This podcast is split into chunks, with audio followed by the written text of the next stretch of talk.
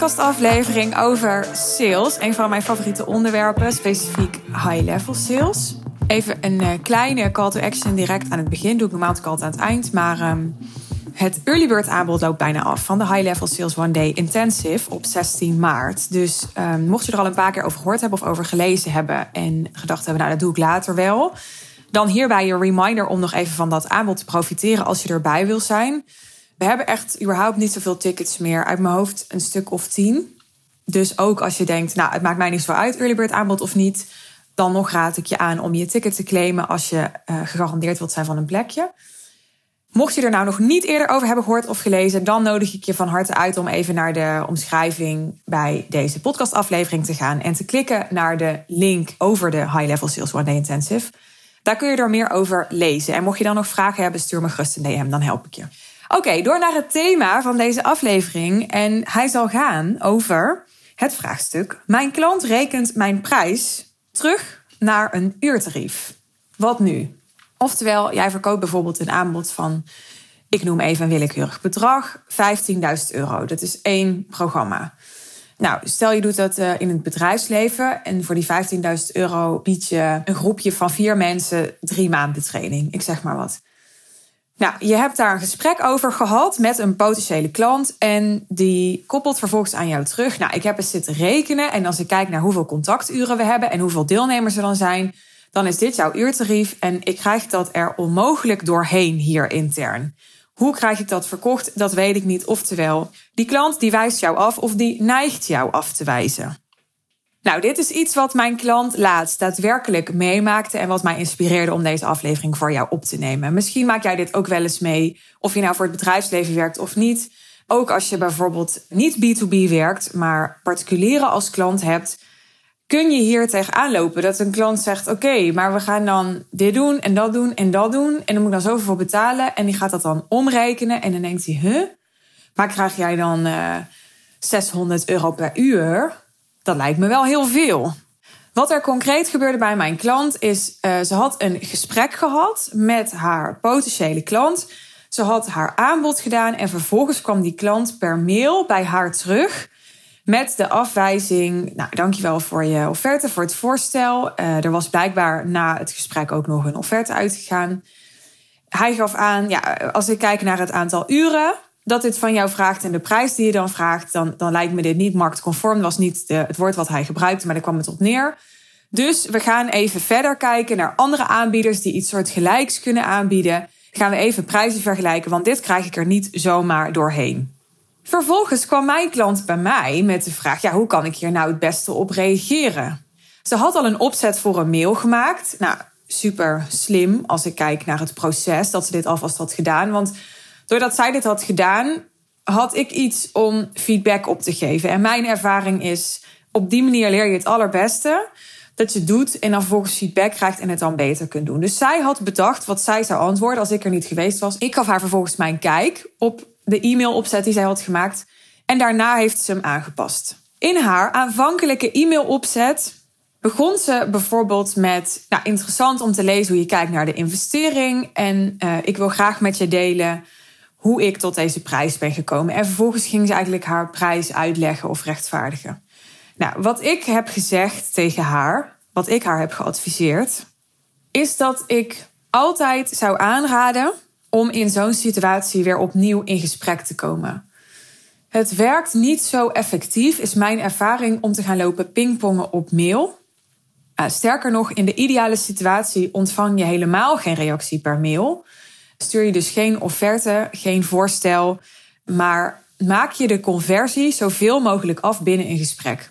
Als ik kijk naar sales in mijn bedrijf, ik zit zelf helemaal niet achter mail. Dat heb ik al vaker gedeeld. Ik, ik ben niet eens te bereiken per mail. Nou, ik heb wel een, een privé mail en er is tegenwoordig ook wel, omdat ik soort van gedwongen werd door mijn team, is er een soort, uh, ja, hoe zeg ik dat? Undercover uh, zakelijk e-mailadres ook om mij persoonlijk te bereiken. Maar dan nog kijk ik er nauwelijks in, moet ik zeggen.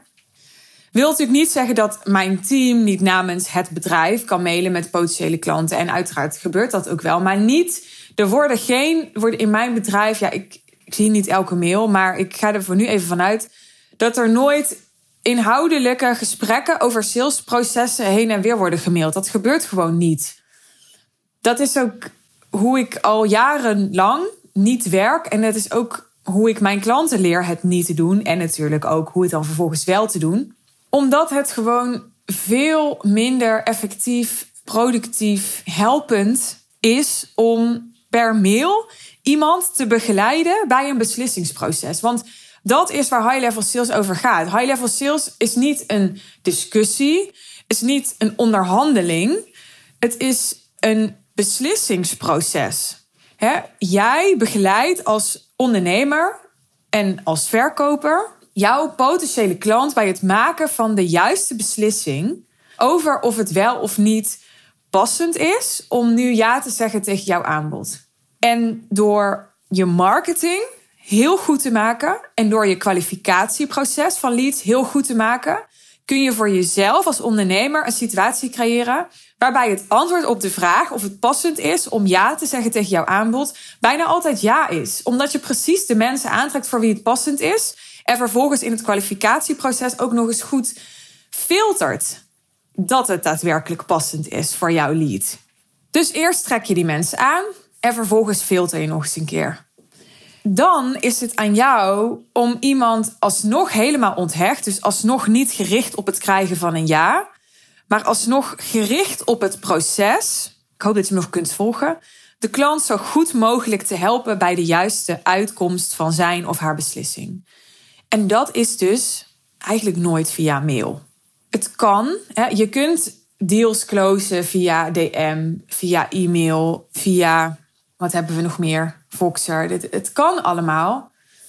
Maar hoe minder warm je lead en hoe hoger de prijs die je vraagt, hoe sterker de brug moet zijn van waar iemand nu staat in zijn beslissingsproces naar die ja. Voel je hem? Kijk, als iemand al super warm is, het is bijvoorbeeld een bestaande klant die gaat verlengen, die al ervaring met je heeft, die je al vertrouwt, die al weet wat voor impact jouw hulp op hem of haar heeft. Ja, dan kan iemand wellicht vrij gemakkelijk vervolgens ja zeggen tegen een vervolgaanbod. Of als de prijs niet heel uitdagend is voor je lead. En het is niet een prijs waar die heel ongemakkelijk van wordt. En ja, waarbij die voelt, oh jeetje, nou, er staat wel wat op het spel als ik hier ja tegen zeg.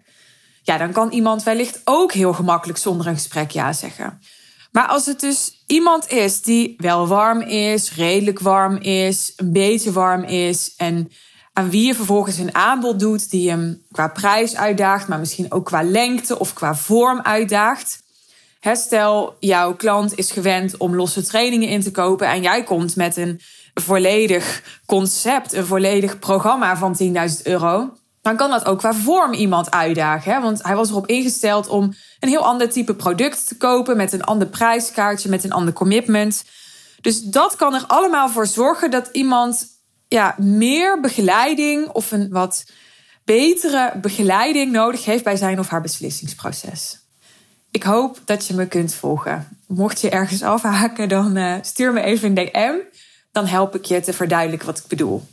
Ik ga hem even samenvatten wat ik tot nu toe allemaal heb gezegd. Het komt erop neer dat ik je adviseer om zo min mogelijk te werken met offertes en voorstellen in het verkoopproces. Dat wil dus niet zeggen dat je niet als je een mondelinge ja hebt ontvangen van je klant, vervolgens dat schriftelijk bevestigt met een officiële offerte. Dat is een ander verhaal. want ik hoor heel vaak van ondernemers het bezwaar als ik dit advies geef.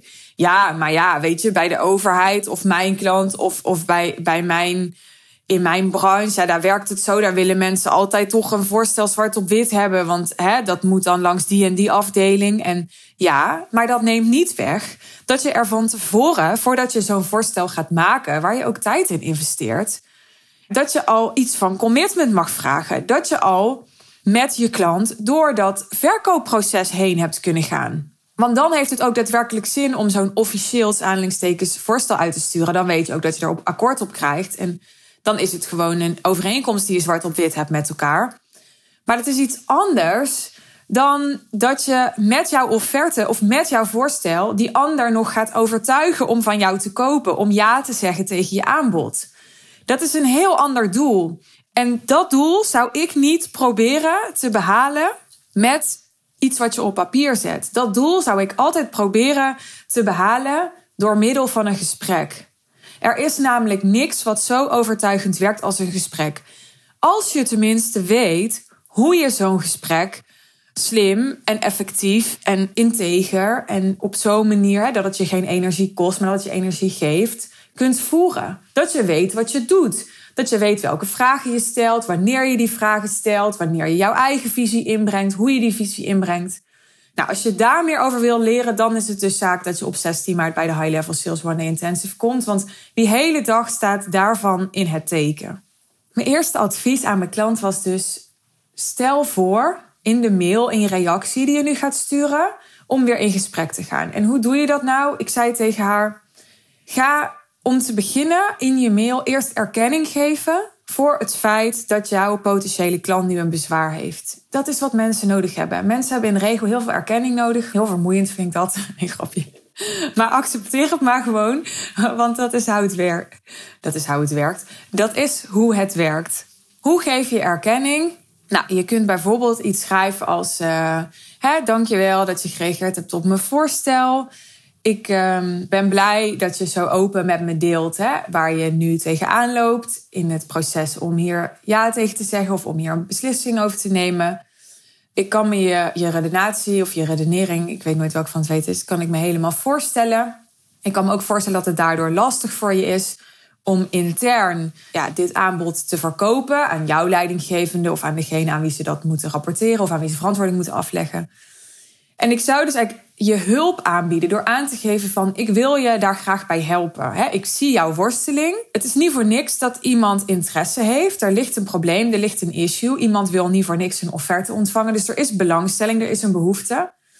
Maar vervolgens ziet iemand een, een zorg, een bezwaar, waardoor hij geen ja kan zeggen tegen die behoefte. En het is belangrijk om er erkenning aan te geven dat dat, dat niet leuk is voor mensen. Mensen vinden het niet leuk om een bezwaar te hebben wat veel ondernemers geneigd zijn om te doen, is als ze een bezwaar krijgen, ja, eigenlijk toch een beetje geërgerd zijn of teleurgesteld zijn of onzeker zijn over het feit dat die ander met dat bezwaar komt. En dan zijn we vooral bezig met onze eigen emotie van, ja shit, hè, misschien was het dan toch te hoog of uh, ja, wat als die nu nee zegt of uh, ja, ja, ik snap het eigenlijk ook wel hoe hij dit nu uitlegt, die redenatie, ja, ja, ja. Ja, misschien slaat het mijn prijs ook wel nergens op. Misschien sta je juist wel helemaal achter je prijs. En ben je eigenlijk heel erg geërgerd dat die ander er zo'n issue van maakt. Want denk jij, nou joh, hè, dit is toch gewoon koopje. Hè, maar in ieder geval doet het vaak wat met ons. En zijn we dan bezig met onze eigen emotie. En wat jouw sales skills high level maken, is als je vervolgens de switch kunt maken en kunt denken: oké, maar het gaat nu niet over mij, het gaat nu over die ander. Hoe ik die ander op de beste manier begeleid bij zijn proces of bij haar proces. Dus die ander, die, ja, die zit nu met een worsteling om je ja tegen te zeggen. Hoe kan ik die ander op de beste manier helpen? Nou, je kunt die ander in deze fase alleen verder helpen als die, die lead van jou zich veilig genoeg voelt bij jou om zich door jou te laten helpen. Als die, nadat hij zich kwetsbaar heeft opgesteld door eerlijk te zeggen wat zijn of haar bezwaren zijn of wat zijn worstelingen is, voelt dat jij in de overtuigmodus gaat, dus dat jij aan die ander gaat trekken, dat je die prijs gaat rechtvaardigen en dat je eigenlijk wil zeggen van, nou zie je wel, je had helemaal niet gelijk dat het te veel is, want als je er zus en zus en zo naar kijkt, nou dan is het gewoon heel rechtvaardig om dit te vragen en dus voor jou om te betalen. Als je met zo'n houding een mail gaat typen of een gesprek ingaat, maakt niet uit hoe je communiceert, dan voelt die ander dat hij zich moet gaan verdedigen of dat hij moet gaan oppassen. Want hij heeft een worsteling en jij zegt, ja, die worsteling is niet terecht. Dat is dan zwart-wit wat er gebeurt. Dan voelt die ander zich niet gezien en gehoord. Dan voelt hij zich niet begrepen. Dus als jij eerst erkenning geeft aan het feit dat die ander in die worsteling zit en dat dat heel normaal is en, en dat dat vaker voorkomt en dat je de houding hebt van, nou, hè, je kunt die worsteling hebben, maar je kunt hem ook overwinnen. Dus je geeft erkenning aan die worsteling en vervolgens heb je een soort optimistische vibe van, Hè, maar ik kan je hierbij helpen. Ik kan je erbij helpen om dit intern verkocht te krijgen. Dan voelt die ander van: oké, het is oké. En dan kan die ook jouw handreiking weer aannemen. Wat ik verder nog als feedback gaf aan mijn klant op haar mail, is dat ze ehm, ook nog in haar mail had geschreven: Ik merk dat ik de behoefte heb de totstandkoming van de prijs mondeling te bespreken. Dat was haar uitnodiging voor een gesprek nadat ik tegen haar had gezegd: joh, gebruik deze mail nou als aanleiding om opnieuw uh, telefonisch of, of, via Zoom of whatever met elkaar in gesprek te komen. En toen was dat haar zin. En toen zei ik: Het lijkt mij slim. Ik zal het iets stelliger zeggen. Mijn ervaring is dat het slim is om nu niet jezelf centraal te stellen en jouw behoeften. want je zegt: Ik merk dat ik de behoefte heb. Want dan gaat het weer over jou. Maar die ander centraal te stellen. Dus nogmaals, je begint met die erkenning. Uh, vervolgens geef je aan hoe je die ander kunt en wilt helpen bij de worsteling die die nu heeft. Dan doe je een voorstel om contact met elkaar te hebben op een heel korte termijn. En ik zou niet inhoudelijk helemaal uitweiden verder in zo'n mail. Dus inhoudelijk ingaan op wat jouw potentiële klant schrijft. Want hoe meer je daarop ingaat, hoe meer die ander in een dus stand kan komen van ik moet me verdedigen. Of hoe meer die ander iets kan lezen waar die alsnog op afknapt of van dichtslaat of zo. Waardoor die ook weer jouw voorstel om te bellen afwijst. En dan hoor ik je denken, ja, maar Suus, hij kan toch ook iets lezen waarvan die juist denkt, oh ja, nee, dat snap ik wel. En waar die juist op aangaat, waardoor die dan juist weer wil bellen. Dat kan, maar heel vaak is het zo, dat is belangrijk om je te realiseren in dit soort processen, dat mensen geven niet altijd het bezwaar wat het echte bezwaar is. Als mensen met een bezwaar komen, dan kan dat één bezwaar zijn van tien. Of het kan een heel ander bezwaar zijn dan wat het echte bezwaar is. Of hè, als mensen drie regels aan bezwaren opschrijven in de mail, dan weet je eigenlijk nog heel weinig. En als je daar dan inhoudelijk op gaat reageren, doe je automatisch allemaal aannames. Dus natuurlijk kun je inhoudelijk reageren in de hoop dat je dan iets schrijft waarvan die ander denkt: Oh, maar hier kan ik wel iets mee. Of oh, nu zie ik het anders. Of oh, nu kan ik het wel verkopen. Maar als je dat doet, schiet je een beetje met hagel. Want je weet niet of dat, dat wat jij schrijft nou net toevallig is wat die ander nodig had om te lezen of om te weten. Terwijl als je in gesprek gaat, dan kun je doorvragen. Dan kun je bijvoorbeeld de vraag stellen van... Goh, wat zou het dan wel waard zijn voor jullie als dit nu te hoog is? Of, goh, hè, even los van de prijs. Ben je wel verkocht op het inhoudelijke aanbod? En dan kun je dus zo gaan achterhalen of dat het daadwerkelijk om de prijs gaat of dat misschien wel toevallig gisteren de leidinggevende van jouw potentiële klant tegen hem of haar heeft gezegd. Nou, weet je, die, die, uh, dat programma waar je aan het inkopen bent, ja, dat moeten we maar even op de lange baan schuiven. Want we hebben afgelopen maand helemaal de targets niet gehaald. Dus er is nu helemaal geen budget voor. Dus dat moet maar uh, over een half jaar. En misschien durft jouw lead volgens wel helemaal niet tegen jou te zeggen dat hij het niet meer kan betalen omdat die targets niet zijn gehaald. En heeft dit helemaal niks te maken met het uurtarief dat jij vraagt en dat dat in zijn of haar ogen exorbitant hoog lijkt. Maar is dat gewoon een soort excuus om niet te hoeven zeggen dat de targets niet zijn gehaald? Hè? Het kan wel van alles spelen. En neem maar van mij aan dat dat ook altijd zo is. Dat er altijd ja, iets meer achter zit, of dat het altijd net wat anders of genuanceerder of vollediger is dan dat iemand zo in eerste instantie aan jou terugkoppelt. Hè, mensen kunnen voor zichzelf al bedacht hebben Oké, dit wordt hem dus niet. En dan gaan ze vervolgens gaan ze een redenatie bedenken waarmee ze jou dan kunnen afwijzen. Maar dat is heel vaak een redenatie waarvan ze denken: nou ja, daar kan die ander niet zoveel tegen inbrengen. Dus hè, dat, dat is een makkelijke manier om nee te zeggen. Maar dat is lang niet altijd de echte reden achter de nee. Er zit heel veel goud in wat ik nu deel. Hè? Ik hoop dat je dat beseft. Dit is echt een bijna volwaardig high-level sales training geworden. Dus maak aantekeningen, zou ik zeggen. Nogmaals, samengevat, ik zou kort antwoorden op zo'n mail. Ik zou erkenning geven. Ik zou je de hand reiken. Ik zou een toon, een houding hebben in je mail. Maar ja, een houding is, is lastig te zien via een beeldscherm. Dus het gaat dan om de toon die je kiest. Die optimistisch is ook soort daadkrachtig. Dus een toon van, joh, we gaan hier samen uitkomen. Ik snap je worsteling, maar we gaan hier samen uitkomen. Zonder dat je dat je een formulering kiest die aangeeft dat, je, dat er wel onderhandelingsruimte is of zo. Dat is niet waar het over gaat. Maar waar het over gaat is dat jij de mogelijkheden ziet voor die ander om hier toch ja tegen te kunnen zeggen. Ook al ziet die ander dat op dit moment zelf nog niet. Dat moet hij voelen door wat jij schrijft. Nou, ik geef al aan, het is soms lastig, of het is überhaupt denk ik lastig via mail om je houding over te brengen. Dus schroom ook niet, wat mij betreft, om een voice message te sturen. Die kun je ook versturen via mail hè, of een video. Wij gebruiken bijvoorbeeld wel eens BamBam. Ik weet niet of je die software kent, maar het is gewoon B-O-M-B, B-O-M-B.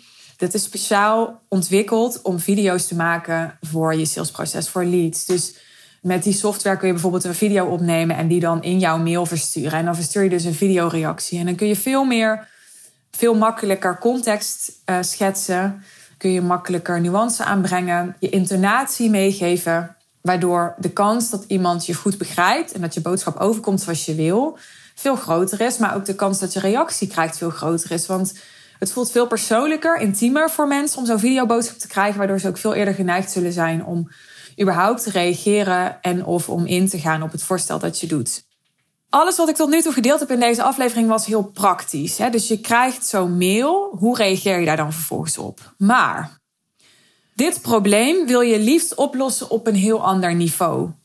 Want je kunt wel op het niveau zoals ik hem nu heb ingestoken in deze aflevering proberen dit probleem op te lossen. Maar daarmee ga je de oorzaak van het probleem niet oplossen. dus je gaat, als er niks verandert, vaker dit soort e-mails blijven krijgen. En om daar wat aan te doen, dus om te voorkomen dat mensen überhaupt jouw prijs gaan omrekenen naar een uurtarief, is het zaak dat jij je zo positioneert, het is echt positionering, dat je onvergelijkbaar wordt. Nu schreef de lead van mijn klant: ja, we gaan even nog naar wat andere aanbieders en kijken of die het misschien hè, tegen een schappelijkere prijs kunnen doen. Als jij zo gepositioneerd bent dat er eigenlijk geen goed alternatief is voor jouw doelgroep en voor specifiek de behoeften waar jij jouw klant bij helpt. En misschien heb je wel een super fantastisch resultaat wat een andere aanbieder niet kan bieden. Maar dat hoeft niet. Hè? Het kan hem ook zitten in dat je een hele specialistische doelgroep hebt of een heel specialistisch probleem waar jij in gespecialiseerd bent. Dat, dat niche en je daar in die niche, binnen die niche, positioneren echt als een autoriteit. Dat gaat maken dat mensen veel makkelijker een hoge prijs zullen vragen. En of ze nou gaan omrekenen of niet, ze gaan denken: ja, weet je wat, als we het niet doen, is het sowieso duurder, zijn de risico's sowieso groter, kunnen we ons niet permitteren. We moeten gewoon akkoord gaan met dit aanbod. Dat is wat je wil.